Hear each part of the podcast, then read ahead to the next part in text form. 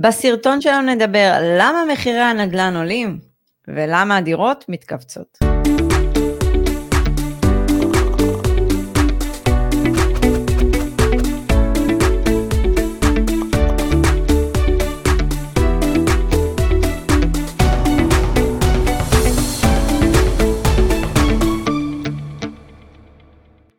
שלום לכולם, עדי בן אדר דהן, הגעתם לפודקאסט כאן מדברים נדל"ן, שיתוף כמובן עם רוני אגה, השותף שלי מזה, אוטוטו שבע שנים?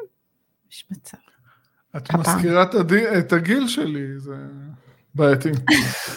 רק אמרתי שאתה עוד אותו שותף שלי שבע שנים, זה הכל. Okay. אוקיי. יופי, אז תראו, הגעתם לפלטפורמה הזו, כאן אנחנו מדברים על כל מיני נושאים שקשורים לנדל"ן, בכל מיני היבטים, גם אם זה היבטים שהם יותר uh, חוסן מנטלי, דברים כאלה, הכל מהכל. Uh, אז זה הבית שלכם באמת uh, לקחת מאיתנו ידע, אנחנו מעניקים אותו בחום ובאהבה.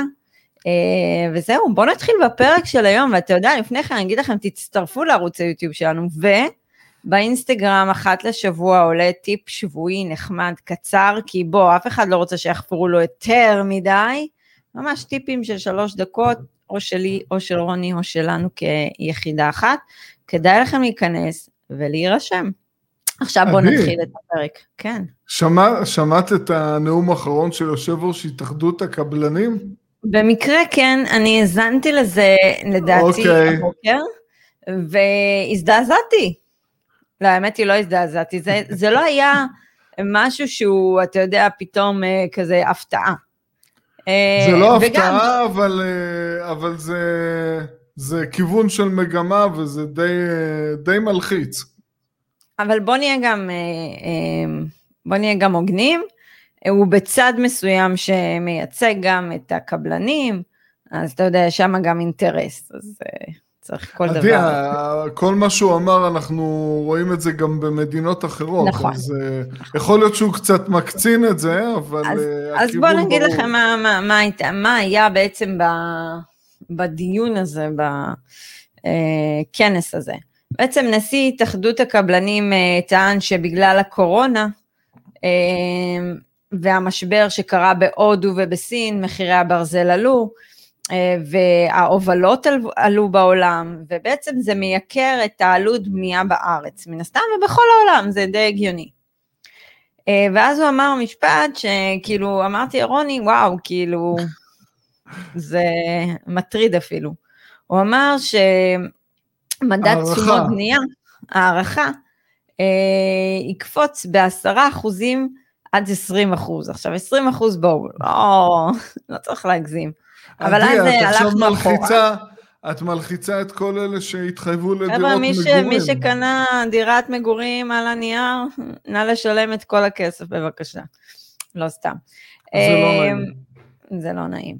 אני רוצה, אתה יודע, בדרך כלל משאירים איזה 100 אלף שקל לסוף, אז בסדר, עוד אפשר אה, נניח... אה, מה זה בדרך כלל? בדרך כלל...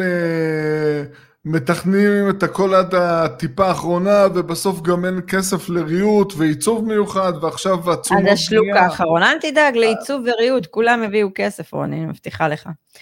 אה, אז ככה, אה, אני הסתכלתי אחורה, שנת 2020, וראיתי שמדד תשומות בנייה עלה סך הכל ב-1%. אה, הייתה שם לא נורא. ירידה, זה לא כזה נורא. אבל בשנת 2021, סך הכל סטטיסטיקה של שלושה חודשים, המדד עלה ב-1.3, זה כבר מתחיל להטריד. זה uh, בהחלט מטריד. תאר לך. שהמדד עולה ב-5-6 אחוזים. לא נעים למי שקנה דירה. לא, אה, תשמעי, בדירות במחירים שזוגות צעירים קונים בטווח של מיליון וחצי, שתי מיליון, אם ממתינים שלוש שנים לדירה וזה מתייקר להם בעשרה אחוזים, או, או אולי אפילו יותר, אה, זה חתיכת סכום. כן, המנגנון הזה פה בארץ של מדד תשומות בנייה הוא... תשמעי, זה יכול להגיע ל-30 עד 40 אחוז מההון העצמי שהם אה, משקיעים בדירה מלבד המשכנתה. תראה, אבל מה זה עושה? הרי בסופו של דבר זה מייקר את מחירי הדירות, זה לא משנה אם אתה קונה את הנכס על הנייר, ובשורה התחתונה, ככל שיעברו השנים, זוגות צעירים ומי שירצה להיכנס לשוק הנדל"ן, לא יוכל להרשות לעצמו לקנות דירה באזורי ביקוש. נכון, נכון, זה הולך ו... אה, היכולת שלהם לקנות אה, היא הולכת ופוחתת. אה, יש כאלה שמתחייבים והבנק אפילו מאפשר להם לפעמים לקחת, אני חושב, משכנתאות שהן מעבר ליכולת שלהם. משכנתאות שהן לא מביאות בחשבון חוסר ודאות תעסוקתי בעתיד ומשפחה גדולה יותר. הם זוגות צעירים, נותנים להם היום סכום לפי מצב X, מחר מחרתיים יוסיפו עוד ילד או שתיים, ואז אנחנו בבעיה גדולה פה.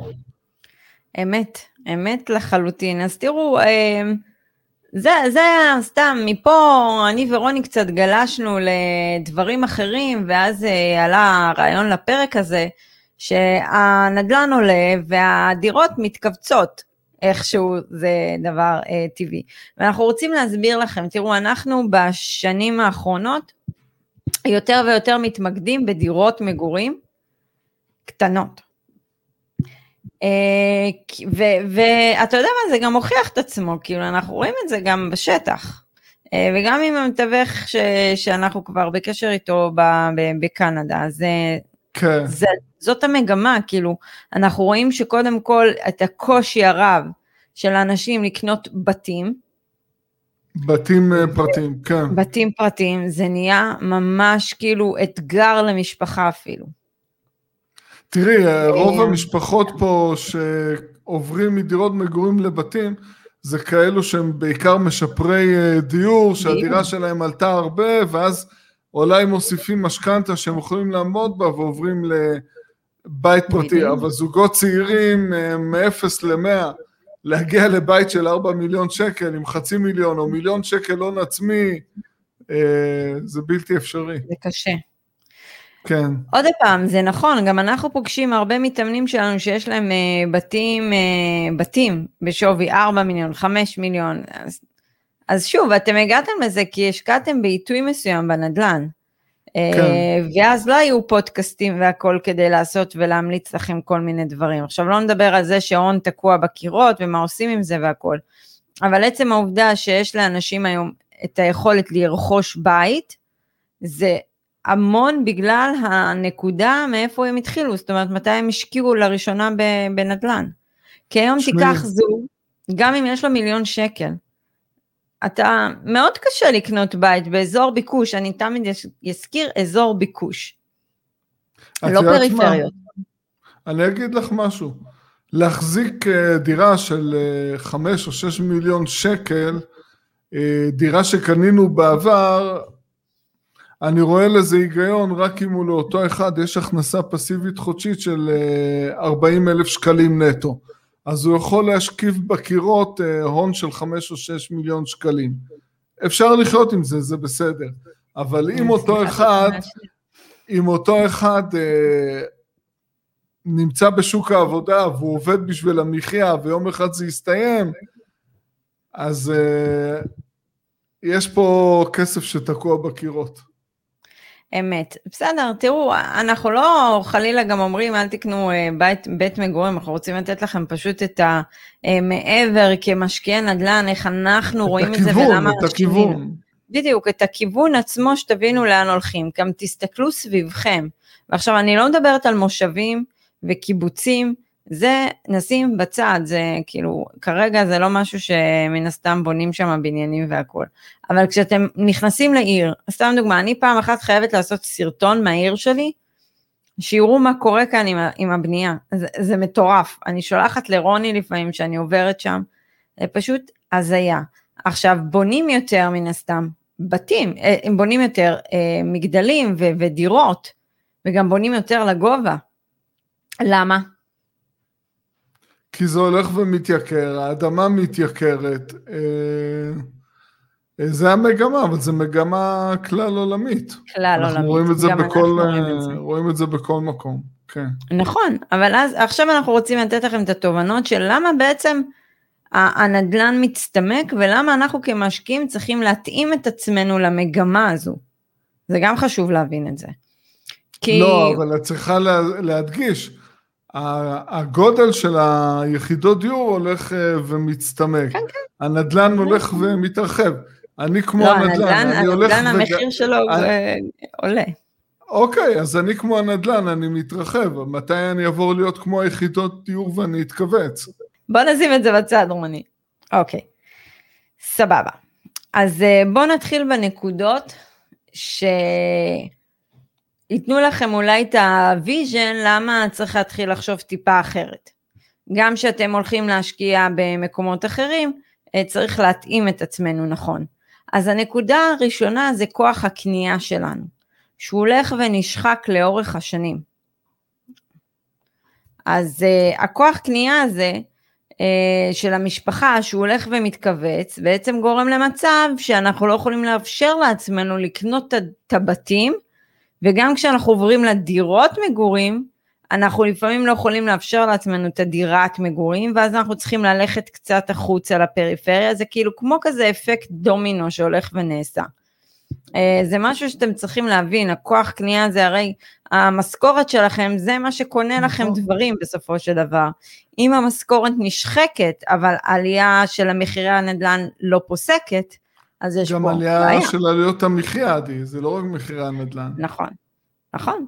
אז זה משהו שמגביל אתכם לקנות בתים ולקנות דירות גדולות. אני חושבת שלאורך השנים, רוני, גם ככל שיעברו השנים, אנשים יצטרכו לחזור אחורה ולקנות את הדירות של השלושה חדרים. אז תשמעי, זה בדיוק מחזיר אותי לסוף שנות התשעים, בביקור שעשיתי בבוקרסט ברומניה, כן. אה, במטרה לקנות שם נכס להשקעה. אה, בשנות ה-60 היו חברות בנייה שבנו ב... בבוקרסט, חברות בנייה מצרפת, שזה סגנון בנייה של תקופת הקומוניזם, מגדלים של עשר קומות עם דירות קטנות וצפופות. עליתי לאחד מהדירות במעלית, בוא נגיד, מזל שהמתווכת הייתה רזה, כי אני והיא בקושי נכנסנו למעלית. הדירות עצמם זה פשוט, זה פעם ראשונה שאני ראיתי קופסאות. אז uh, uh, זה החזיר אותי לסיפור שהיה להם משבר כלכלי מאוד חמור. מדינה קומוניסטית עם הרבה מאוד uh, שחיתות, זה היה בתקופת שלטונו של uh, צ'אוצ'סקו, יצא שם uh, הוראה uh, להקטין את ה... באופן... Uh, uh, הייתה שם איזושהי החלטה להקטין את הילודה, אני לא יודע בדיוק מה היה, פשוט אה, לא ילדו, אבל אחרי זה, את יודעת מה, אני חושב שאני מבלבל, באופן טבעי הם לא ילדו, אוקיי. Okay. ואז, ואז היה איזשהו חוק למפעלים, זו מדינה קומוניסטית, שהם נתנו הפסקות לזוגות נשואים ללכת לעשות ילדים. כאילו ניסו לעודד ילודה, כן. חזק מאוד, אהבתי. טוב, אז זה, זה הנקודה הראשונה שהיא מאוד מאוד מאוד חשובה, להבנה הזאת של למה לאורך השנים יהיה את התחלופה הזאת מהבתים לדירות, וגם מהדירות זה יתחיל לקטון ולקטון ולקטון ולקטון, המטראז', זה, זה הכוונה. אבל גם, גם המשפחות, המשפחה הממוצעת. אז רגע, בוא נגיע לנקודה, זה... לנקודות הבאות. כן. תראו, הנקודה הבאה היא לאורך השנים, ו- ותעשו אחורה, 20 שנה, משהו כזה, אתם תראו שיש ירידה משמעותית בריביות. בכל העולם המערבי. יותר, יותר, 30 אפילו, עדי, okay, אוקיי, מתחילת שנות ה-90 אפשר לומר. אוקיי, okay, ולדוגמה, אם אנחנו ניקח את יפן ואת שווייץ, הריבית שמה שלילית. עכשיו תבינו מה זה, כאילו אתם רואים את זה עכשיו פה בארץ, ואנחנו רואים את זה בעוד מקומות בעולם. ריבית שלילית זה בכלל כסף חינם, כאילו בואו, מחלקים להם. אבל גם הריביות היום שקיימות בארץ של המשכנתאות והלוואות, זה כסף חינם. אז מה אנשים, מה אנשים עושים? אם יש לי את היכולת החזר, אני אקח את ההלוואה ואני אקנה נדל"ן. נכון, אבל עדיין בהשוואה למדינות באירופה וארצות הברית, הריבית אצלנו היא עדיין יחסית גבוהה. כן, אנחנו יודעים איך לעשות כסף. לא. עדי, מה יקרה פה שייתנו לנו אה, משכנתאות בלון ל-30 שנה בשתי אחוז ריבית? וואי, וואי, יהיה פה חגיגה, מה זה יהיה פה? אני ואתה הולכים לקנות בניין בבניין לא. שלם. דירת שתי חדרים בתל אביב תעלה חמש מיליון. וואי וואי וואי וואי. כן, זה... אז הנה לכם רק, רק, רק דבר קטן שתבינו. Uh, הריבית הזאת שכולם מדברים עליה, ואתה יודע, אלוהים יודע מתי היא תעלה, אני חושבת שכבר כולם כזה, כבר לא רואים את הסוף לירידות של, ה, של הריבית, כי uh, הבעיה זה שהעלייה, כאילו אם אנחנו מסתכלים על משברים ועל כל מה שקורה בעולם, לבנקים המרכזיים, נורא קשה לקבל את ההחלטה להעלות את הריבית. עדי, בחודש אה, אפריל היה את. אני חושב שיא בהכנסות מדינה ממיסוי. הריבית הנמוכה מאפשרת אה, פעילות עסקית גבוהה, מחירים עולים, אבל לפחות הם גובים יותר מיסים. מישהו צריך תראה, להחזיר נניח, את החובות. נכון, נניח בארצות הברית העלו את, את, את הריבית ברבע אחוז, אבל עדיין, זה רבע אחוז לעומת כמה ירידה? לא, זו ירידה מטורפת שם. אני אומר, אחרי המשבר של הסאפרם, הריבית של המשכנתאות ירדה מממוצע של 7 ו-6 אחוזים ל-3.5 אחוז. אנחנו מדברים על 2009. היום הריבית שם היא בסביבות 2.7, 2.8 אחוז. אז תקשיבו, אתם רואים שם אנשים בארצות הברית, הם קונים את הנכסים הזולים האלה. כמה עלה שם השוק? רגע, אבל לוקחים משכנתאות, פורסים את זה ל-30 שנים, הצעירים האלה מקבלים אחלה ריביות, למה שהם לא ימשיכו לרכוש? מי יעצור אותם בדיוק? עדי, שנה שעברה, שנת קורונה, ואחד המדינות שחטפו חזק בקורונה זה ארה"ב, השוק עלה 12.2 אחוז, שוק הנדל"ן. אז תבינו, העלייה בריבית מן הסתם גורמת לעלייה במחירי הנדל"ן, עלייה נכון. במחירי הנדל"ן, השכר שלנו לא עולה, השכר שלנו לא עולה, אנחנו צריכים להתפשר ולקנות דירות גדולות יותר. אנחנו נשחקים. אבל רגע, יש אינפלציה, האינפלציה זה אומר עלייה של יתר עלויות המחיה, לא רק הנדל"ן. ואז אנחנו צריכים, להצט... ההכנסה הפנויה שלנו שוב הולכת ונשחקת. וכאן אני רוצה להכניס נקודה. אתם לא רוצים להיות במקום של צמצום כל החיים שלכם. כמה אפשר לצמצם? כמה אפשר לצמצם? יש קו אדום. יש קו אוקיי, אדום. יש קו אדום, אז מה יקרה באיזשהו שלב? ואנשים לא מאמינים לזה, ואנשים לא חושבים שזה יכול להגיע, רוני. אבל באיזשהו שלב, כשאתם לא תוכלו להעלות את השכר שלכם ותשחקו, אתם תיאלצו למכור את הדירות שלכם ולעבור למקומות זולים יותר. כי, כי אין מה לעשות, זה יקרה, זה יכול לקרות. אני, גם אם יש של... למישהו, רגע, אבל רוני, גם אם יש למישהו דירה במרכז, אפילו עולה 2.4 אה, מיליון, ודיברנו על זה גם בפרק שעבר, וההכנסות שלו לא עולות, אבל המחירים יקרים יותר ויותר ויותר, מה הוא יעשה? מה הוא יעשה? איך הוא מתגבר על היוקר מחיה הזה? תשמעי, הוא ייאלץ לקחת אנחנו... את הכסף מהקיר.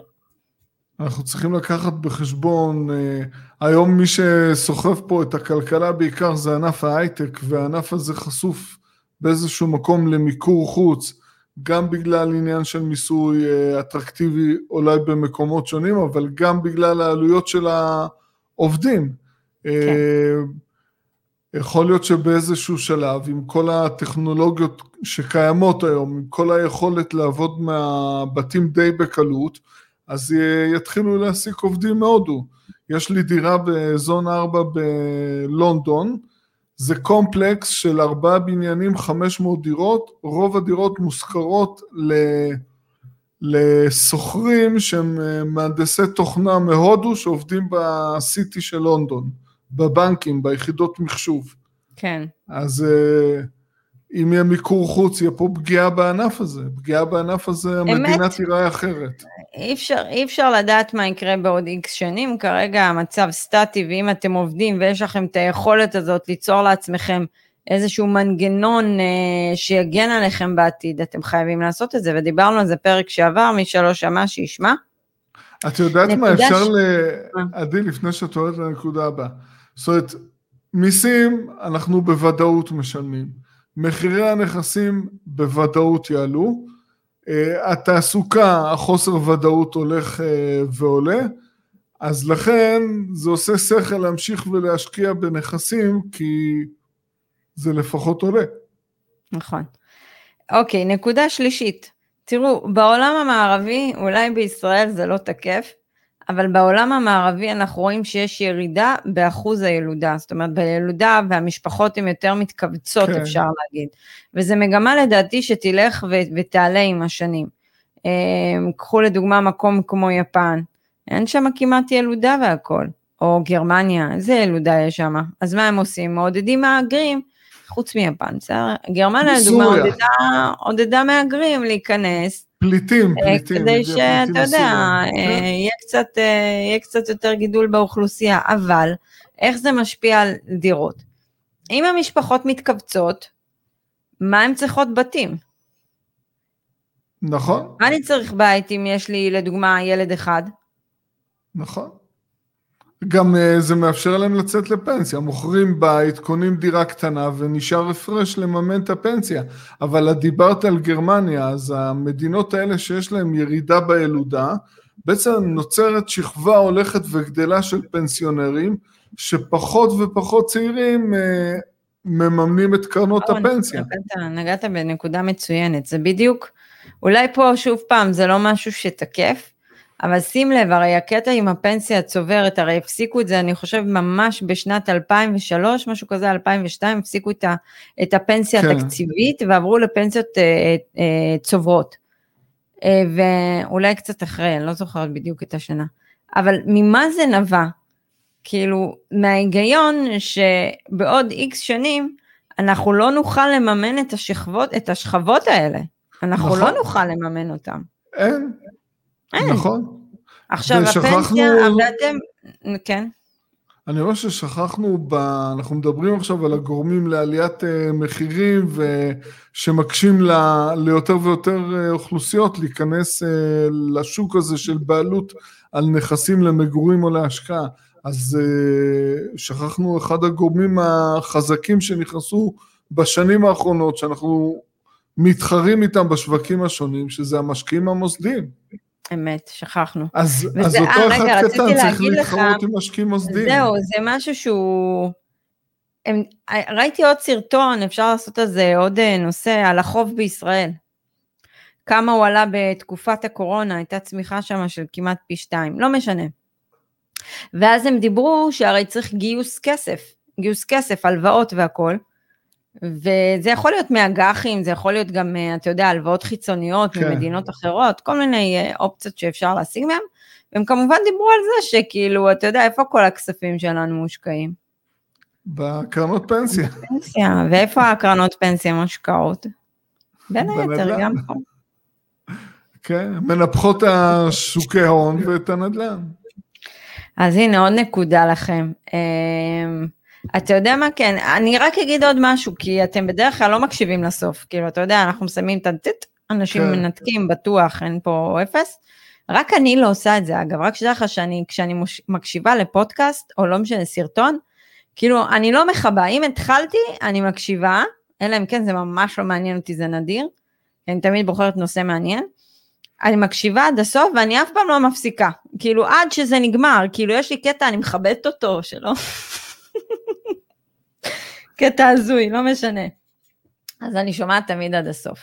Uh, בכל מקרה, אם אתם רוצים uh, להיחשף למידע קצת שונה, uh, אז אנחנו נשים לינק ב description לגבי הרשימת תפוצה שלנו שתוכלו להירשם, כי אנחנו מעבירים שם אחת לשבוע תוכן שהוא פעם עלה בפייסבוק, הפייסבוק עבר לאיזשהו סוג של uh, uh, בית קברות, ושום דבר כבר לא רואים שם, חוץ מממומן. אה, אז אנחנו לא באים למכור לכם, אנחנו באים לתת לכם תוכן, אז מי שרוצה רשימת תפוצה למטה. אה, זה לגבי הרשימת תפוצה. נקודה אחרונה וסופית, למה לחשוב על דירה, גם כשאתם הולכים לעשות השקעה, למה לחשוב על דירות ולא על בתים? אז בואו נראה ככה, בלונדון הדירה שלך 40 מטר רבוע? ממוצע 40 מטר, ממוצע, חדר וסלון. חדר שינה וסלון, אני חושב גם במנהטן זה... אבל גם במנצ'סטר, באיפה שאנחנו משקיעים, דירת כן, חדר כן, וסלון, סדר גודל שבין 40-50 מטר, לא יותר מזה, זה תלוי במיקום. אה, זה הממוצע. אה, תל אביב, מה הממוצע פה? 60 ל-65, הרוב, יש קצת פחות גם, אבל כן. תל אביב, ועכשיו יש, יש בניין חדש שבונים שם, של יחידות שהוא הולך להיות רק להשכרה, שזה ממש, נכון, שהן ממש דירות קטנות. כן, של 40 מטר, שזה יחסית נכון. קטן לישראל, בבקשה. אבל אה, קוראים לזה מיקרו דירות, אבל זה הולך להיות הטרנד.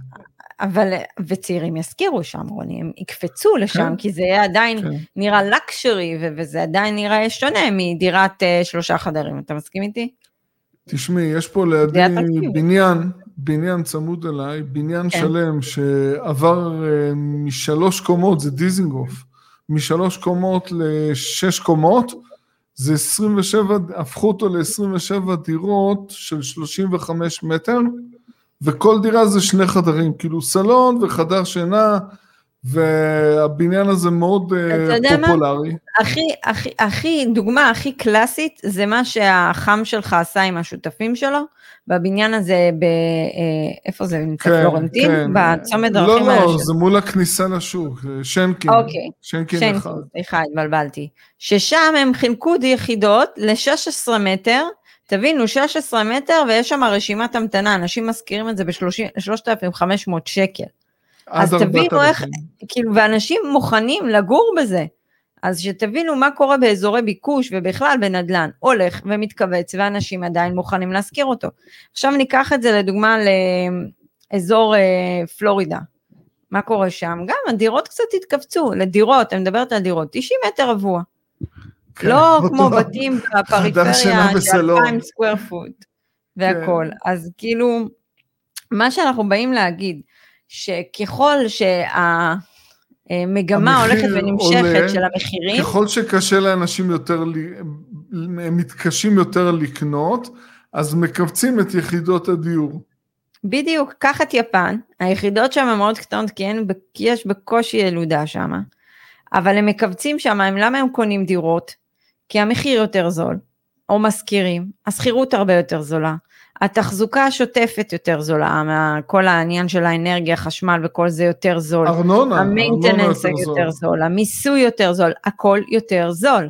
עכשיו לדוגמה, אני ואני, אה, סוף סוף, אתה יודע, עד שנמצא את הדירה המיוחלת, זה גם לתפוס פה מחט בערימת שחת, בסוף נמצא, אז כאילו אנחנו רואים את הפערים בין בתים לבין דירות. עכשיו, התעניינו לדוגמה בבית, דירת גן והכל, תקשיב טוב, בית, יש פה בתים באזור שאני כאילו רוצה. סדר גודל של נע בין 9,000 ל-11,000 שקל להשכיר בית של נניח שישה חדרים. טוב, יש לזה בריכה והכל, אבל בוא נגיד, כן. אני, זה, זה לא הזמן שלנו להשכיר דבר כזה. אה, אבל הנה, תראה, אשקלון, להשכיר בית 11,000 שקל, בתל אביב, כמה אתה משכיר דירת ארבעה חדרים? לא, אבל זה ארבעה חדרים יחסית קטנה, זה 90 מטר, זה גם... יפה, אני רוצה לתת להם, כאילו, תראו את ה... את ה... את ההבדלים במה שקורה, האזור ביקוש, כן. אזור ביקוש, אתה קונה פחות, אבל זה רק זה ילך ויחמיר, זה יותר. גם יבוא לפה לאשקלון, זה יבוא אחר כך למקומות אחרים, יבוא לפריפריות. המגמה הזאת היא כמו... אני חושב שיש לזה היגיון מבחינה כלכלית. בשורה התחתונה אני לא זקוק להתניידות של רכב, אז זה... אוקיי, אני מחזיק רכב, ויכולתי גם לא להחזיק והייתי חוסך למעלה משלושת אלפים שקל בחודש. אז יש כאלה שמעדיפים לשלם שכירות יותר גבוהה ולהיות במרכז, בעיקר הצעירים, וגם uh, באזורי תעסוקה. אבל רוני, ככל שיעבור הזמן צעירים, uh, וגם מישהי שירצה להקים משפחה, הוא ילך ויתרחק מהמרכז. לא תהיה לו ברירה. את יודעת, זה מאוד יפה להגיד אה, ללכת ולהתרחק, אבל להגיע למרכז אה, זה חתיכת סיפור. רוני, משכורות ממוצעות, ממוצעות. אני לא מדברת עכשיו על הייטקיסטים שמרוויחים המון כסף. משכורת ממוצעת, 20 אלף שקל. למשפחה מאוד קשה להיות בתל אביב. זה לא מאוד קשה, זה בלתי אפשרי. 20 אלף שקל בחודש זה בלתי אפשרי. אז תראו, אנחנו מקווים שאהבתם את הפרק, 30 דקות uh, לדעתי עברו. Uh, עדי אחר כך תערוך לנו את הסרטון, זה יהיה, זה יהיה אפילו אולי פחות מ-30. Uh, ונתנו תובנות, תקשיבו, אנחנו באמת, המגמה שאנחנו רואים, וגם חקרנו לא מזמן פרויקט שאנחנו הולכים uh, להיות בו מעורבים בשוק אחר, uh, וראינו עד כמה המגמה לאורך השנים היא בעצם לכיוון דירות. כן. אז uh, קחו את זה בחשבון. אה, אם זה למגורים זה נושא אחר לחלוטין, אבל אם זה להשקעה, תחשבו על זה, כאילו ככל שיעברו השנים והאוכלוסייה תלך וכאילו תהיה פחות ילודה והכל, אז אה, יזכירו יותר אה, דברים קטנים, גם עלויות המחיה לא יאפשרו לאנשים להזכיר דברים גדולים. תראי, אנחנו גם אה, צריכים לקחת פה את הנושא הזה של הצעירים, באיזשהו מקום גם צריכים לשלם, אה, אלה שלומדים, אז הם צריכים לשלם שכר לימוד. לא נכון. כולם אה, מתקבלים לאוניברסיטה, במכללות תואר ראשון יכול בקלות להגיע, תלוי באיזה מקצוע, בקלות להגיע ל-100 אלף שקלים. אז פה בארץ אולי אה, עוד לא נהוג, כמו שאנחנו מכירים במדינות מערביות, אה, לקבל מימון, ההורים עוזרים, אבל במדינות מערביות הם לוקחים אה, הלוואות ולכל התקופה של התואר, ובכלל הם לומדים רחוק מהבית, אז הם גם גרים בשכירות ואוכלים ושותים, והם מסיימים את התואר הראשון עם חוב לא קטן, מזכיר משכנתה. ואז לך תקנה כן. בית, לך תקנה בכלל משהו. כן. כן, ידוע. אוקיי, חברים, תקשיבו לייב, ימי שישי, תצטרפו, זה המקום לשאול אותנו שאלות שעולות לכם לראש. אתם רוצים לשאול, אחרת אין לנו את היכולת אה, אה, להגיב, כי באמת השבוע שלנו לא, לא קל עם העומס, לא קל. אה, ואם אתם עדיין לא רשומים לערוץ היוטיוב, ולאינסטגרם, ולרשימת תפוצה, כדאי לכם לעשות זאת, כי אנחנו הולכים לשנות כל מיני פורמטים בתקופה הקרובה, וגם כמובן ספוטיפיי. אנחנו נתראה בפרק הבא. רוני, היה לי כיף ותענוג כתמיד, היה פעם איזשהו פרק כזה, לא כזה מנטלי, וזה היה פרק על נדל"ן טהור, מה שנקרא. כן, את יודעת מה, עדי, זה גם מתחבר, אנחנו ישבנו אתמול אה, על שוק הנדל"ן של ונקובר, ואנחנו ראינו שם גרפים אה, ונתונים סטטיסטיים של גידול בביקוש לדירות קטנות של one bedroom עד two bedroom, זהו. עזוב, איזה בידין וור הולכת שם? מטורף. כן, זה אכזרי. אכזרי. זאת אומרת, מי שחי שם, מי שגר שם, זה אכזרי. טוב, אולי נעשה על זה פרק אחרי שאנחנו נסיים את הפרויקט המדובר. עד אז, שיהיה לכולכם שבוע של הרבה הצלחות. يلا غونكي باي باي